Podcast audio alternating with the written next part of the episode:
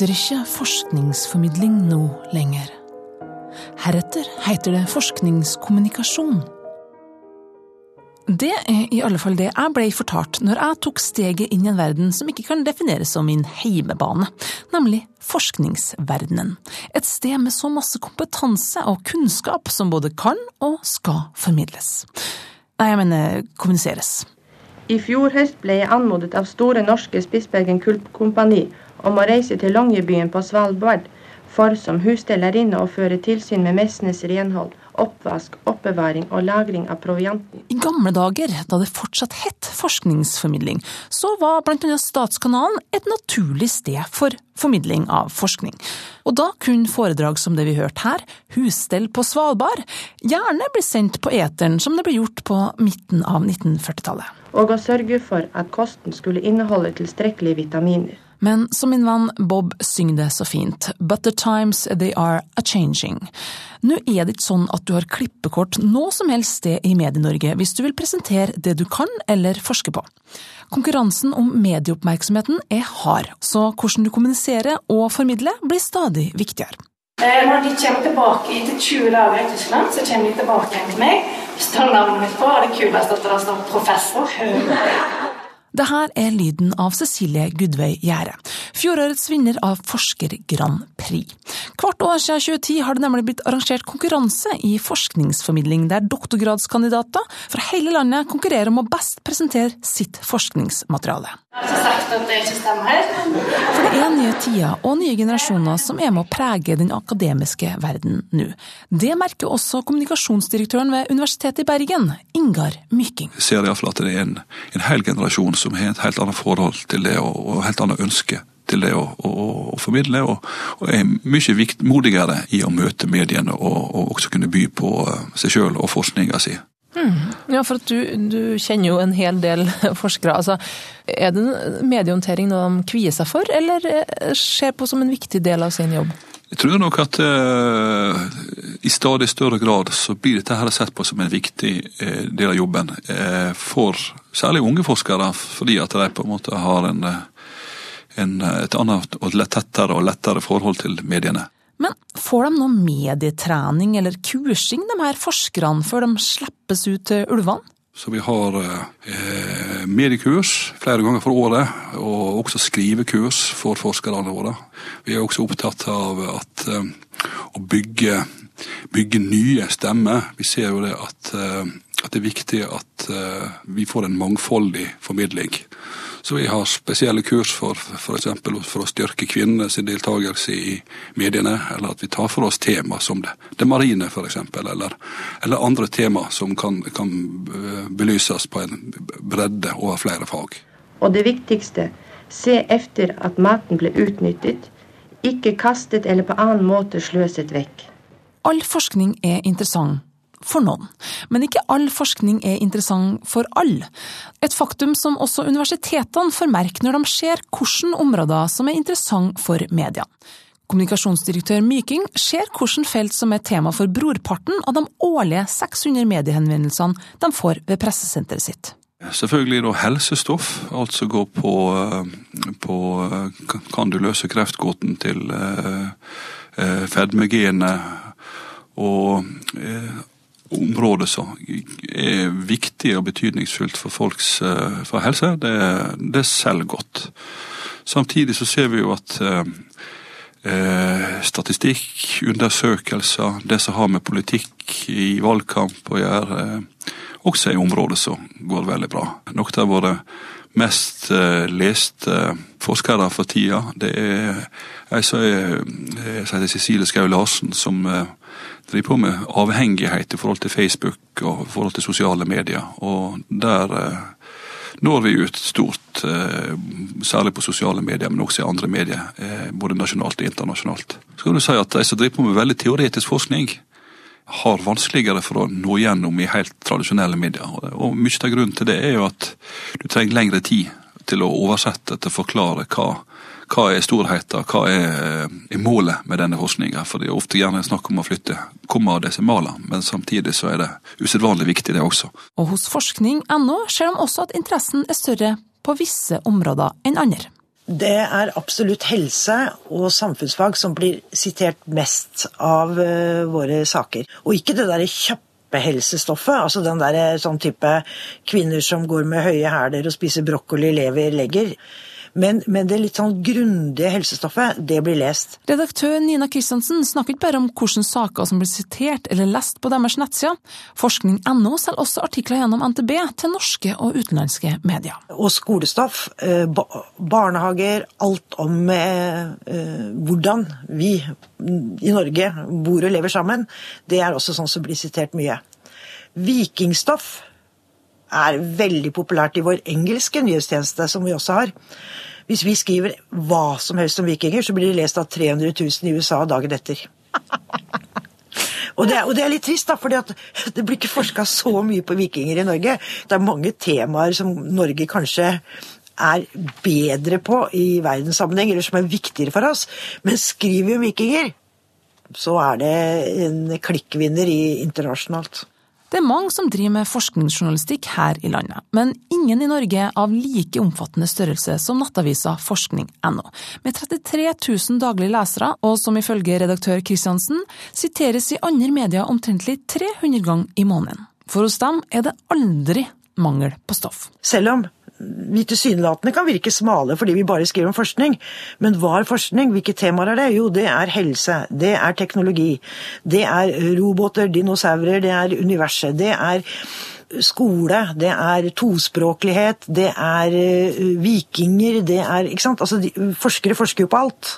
Og vi skriver om alt. Nettavisa eies av intet mindre enn 83 ulike forsknings- og utdanningsinstitusjoner, som sammen har dannet en forening som drifter og finansierer forskning.no, men som også fòrer dem med innhold. Disse 83 eh, eierinstitusjonene kan gjennom sine kommunikasjonsavdelinger sende eh, artikler fra sine nettsteder og magasiner og eh, blader og sånne ting. Eh, og de eh, fordi dette er jo en viktig debatt i norsk presse i dag, så blir de da behandla på en egen eh, medlemsdesk eh, av to personer som ikke jobber i den uavhengige redaksjonen. Så vi merker det etter alle kunstens regler med eh, logoer og institusjoner og, og, hvem som har skrevet og at det er kommunikasjonsstoff. Og i den uavhengige redaksjonen sitter 14 medarbeidere som samler stoff på egen hånd. Vi jobber akkurat som andre medier på den måten at vi har, får tips forskere er ikke så flinke til å tipse om sitt eget arbeid, men vi får en del tips.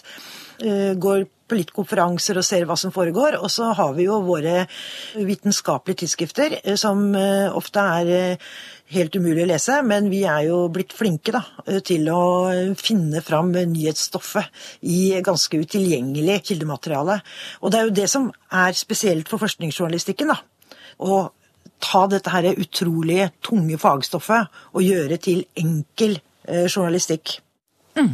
Men eh, dere som tar tak i alt dette forskningsmaterialet, og skal omforme det til lettlest, men grundig, som du sier da.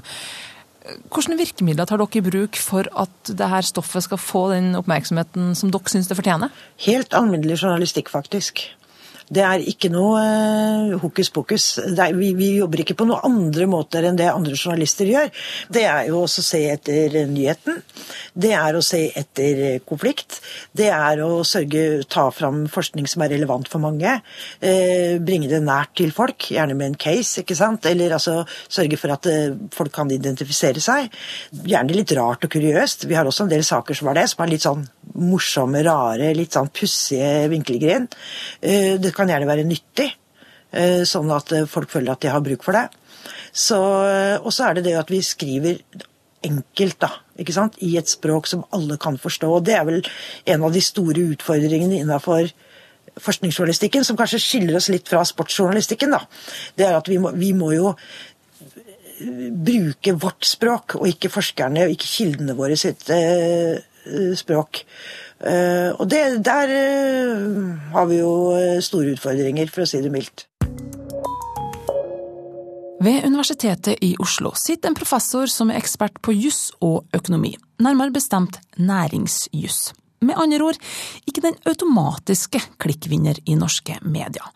Men professor Beate Sjåfjell har forstått hva som skal til for at hun skal få oppmerksomhet.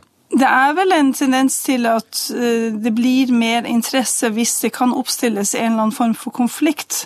Gjerne en, en personkonflikt, sånn at det kan være vanskeligere også og så få eh, spalteplass til informasjon om noe som er et systemproblem, enn hvis man kan angripe f.eks. Eh, en statsråd og så si at vedkommende ikke har eh, håndtert det ansvaret som staten har som aksjonær, godt nok. Sjåfjell blir brukt en del som ekspert og kommentator i mediene, men hun har også opplevd at det hun kom med, ikke var av interesse i pressen. Jeg har gjort et par forsøk på det et par ganger, f.eks. i avslutningen med det, med det, forrige forskningsprosjektet som handla om hvordan miljøhensyn kan integreres bedre i eh, bedriftenes beslutningsprosesser. Eh, det er mulig jeg da ikke tok kontakt med eh, de rette journalistene eller de rette redaksjonene, men jeg fikk inntrykk av at dette med miljø, det var ikke da så veldig sexy, og det var ikke så veldig stor interesse for å skrive om det. Og når man da kombinerer det med juss og økonomi, som også da er vanskelige områder, så, så virka det som om det ikke var så, så veldig salgbart, for å, for å si det sånn. Hvordan forholder du deg til mediene som en del av ditt arbeid? Eh, jeg ser på kontakt med media som en viktig del av, eh, av min jobb, med å, ved å kunne formidle til eh, folk flest, til politikere, til næringslivet, investorer, andre forskere, hva, hva vi har kommet frem til i, i vår forskning, i, i, i, vår forskergruppe. Eh, og, og media er eh, helt avgjørende i det arbeidet der, fordi de vanlige formidlingskanalene som vi forskere bruker, ved å skrive bøker, artikler, holde foredrag på faglige konferanser, der snakker vi da stort sett til andre forskere. Så skal vi kunne nå ut til eh, beslutningstagere i samfunnet og kunne nå ut til, til folk flest og være en del av et eh, opplyst samfunn, så, så, så må vi også kommunisere eh, med media. Mm. Er det da tradisjonelle medier som gjelder fortsatt, eller forsøker dere å nå ut også på sosiale medier, som nå er veldig stort? Eh, tradisjonelle eh, medier er, er veldig viktige, og det er jo fra de jeg får mest henvendelser. Men det som jeg eh, gjør mest sjøl, direkte, fordi at det er en så veldig lav terskel for å gjøre det når man først har begynt, det er gjennom sosiale medier. Så jeg, jeg er på, på Facebook. Eh, veldig lite privat, men veldig mye om det jeg syns er viktig i jobbsammenheng. Eh, jeg er på Twitter eh, samme, samme, på samme måte. Det er ingen som følger meg på sosiale medier som får vite noe om hva jeg har spist til frokost, eller at jeg har brukket håndleddet mitt, for den saks skyld. Men, eh, men, de får vite hva, hva jeg syns er viktig om aktuelle temaer innenfor mitt område, hva, hva slags arrangementer vi har, når vi har åpne stillinger, og, og, og hvilke forskningsresultater vi, vi, kommer frem til. Så det, det har blitt et, et, veldig viktig supplement både til å bruke egne nettsider på universitetet og til å eh, og til å snakke med, med, journalister i tradisjonelle medier. Og Det er jo faktisk også et samspill der, fordi det har hendt flere ganger at jeg har blitt ringt opp av media etter at jeg har tvitra om en sak. Faktisk, Jeg hentet hendt et par ganger at jeg har latt være å tvitre om noen ting, for jeg tenkte at jeg har ikke tid til noe intervju akkurat nå. Også universitetene tar seg tid til å prioritere sosiale medier i sin forskningskommunikasjon, ifølge kommunikasjonsdirektør Myking.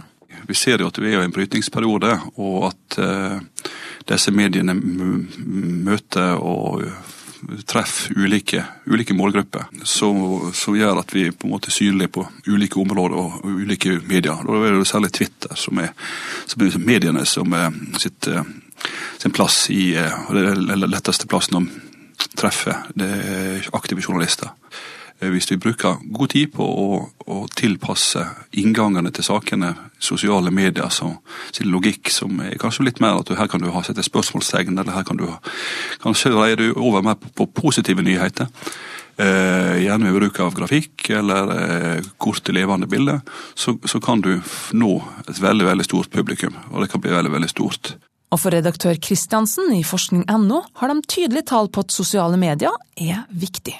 Eh, vi har økt faktisk med 50% fra 2014 til 2015. Vi ser jo at det er, når vi har økt så mye fra 2014 til 2015, så var det jo i sosiale medier. Og den som ikke er i sosiale medier, den har tapt. Så sosiale medier er kommet for å bli.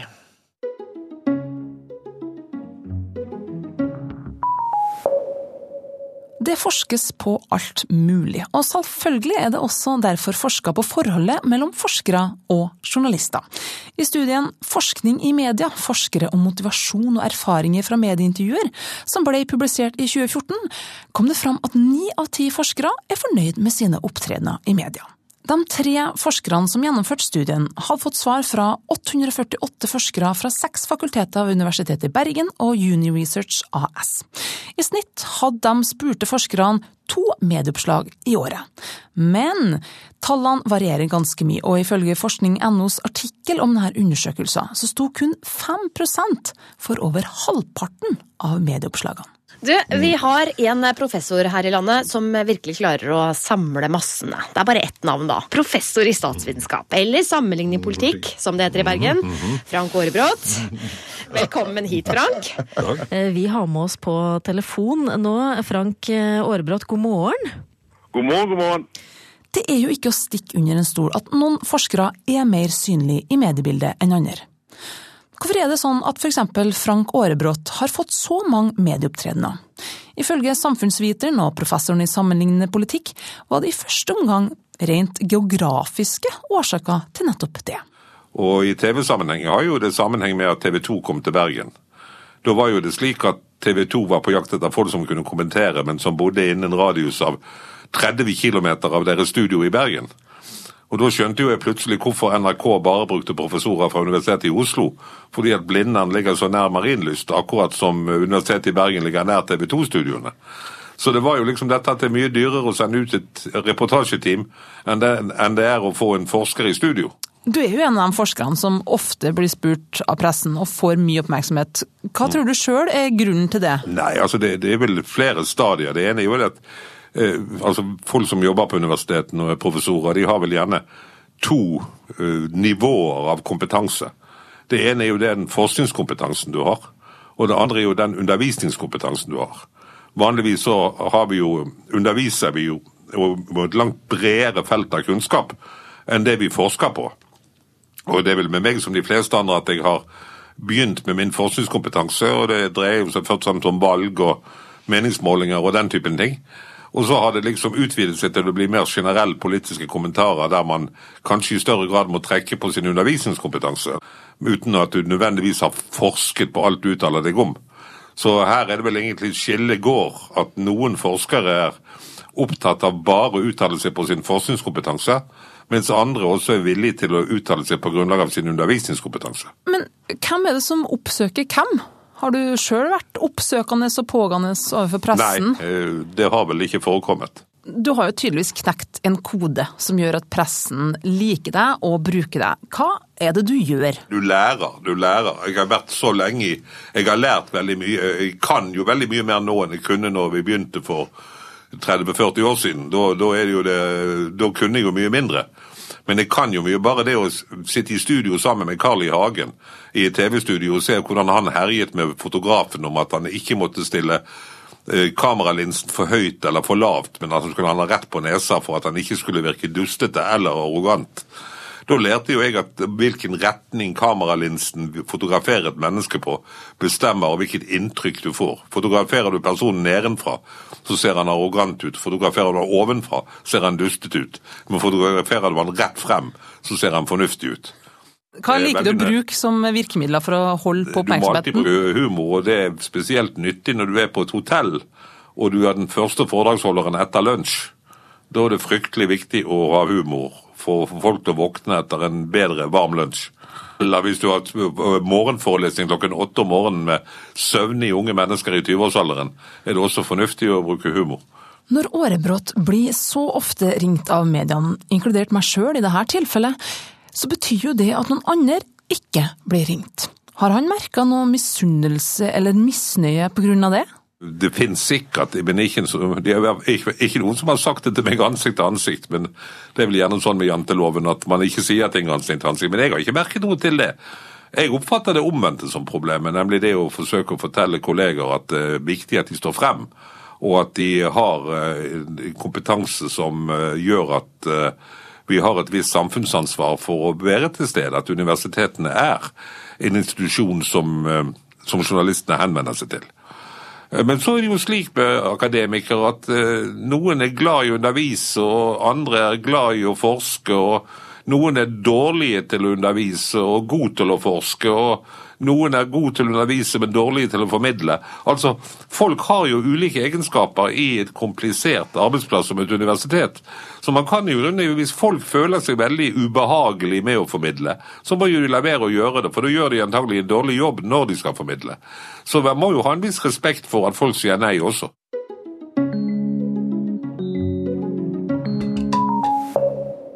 Journalister skal helst være litt ekspert på alle områder. Forskere er som oftest ekspert bare på ett. Det er en av noen forskjeller som kan gjøre samarbeidet litt utfordrende til tider.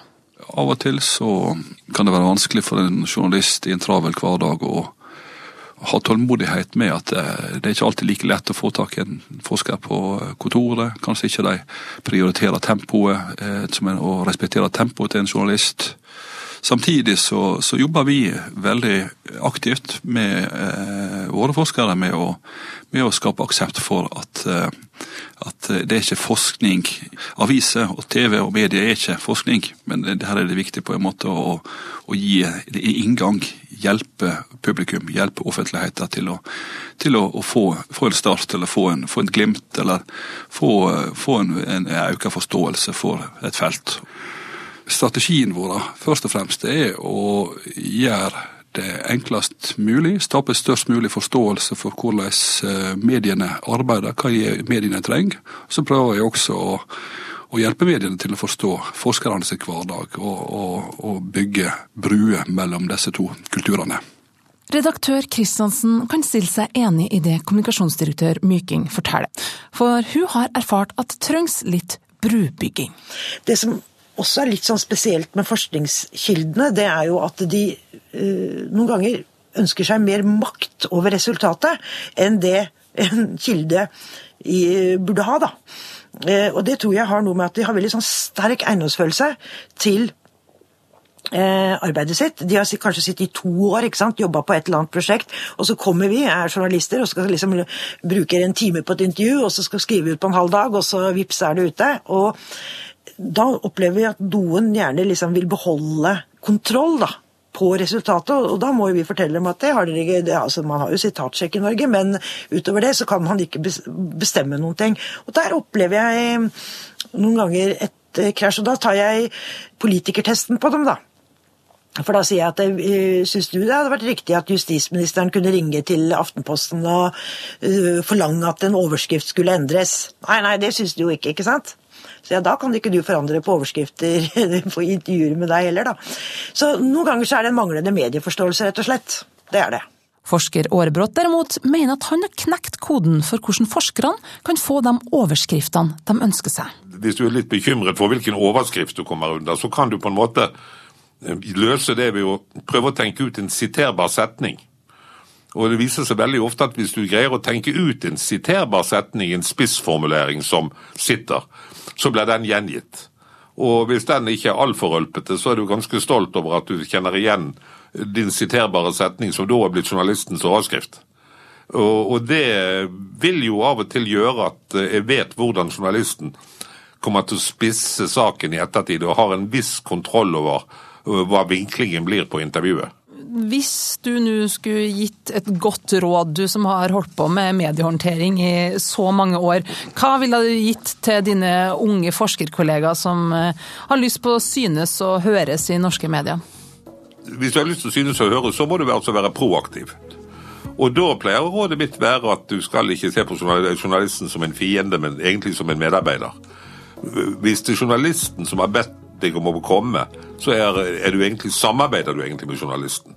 Altså, Journalisten og, og, og kommentatoren er veldig ofte medarbeidere. For en moderne journalist er ofte også kommentator.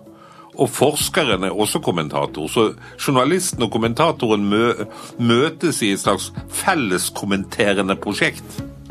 Og det er noe som folk flest ikke er oppmerksom på.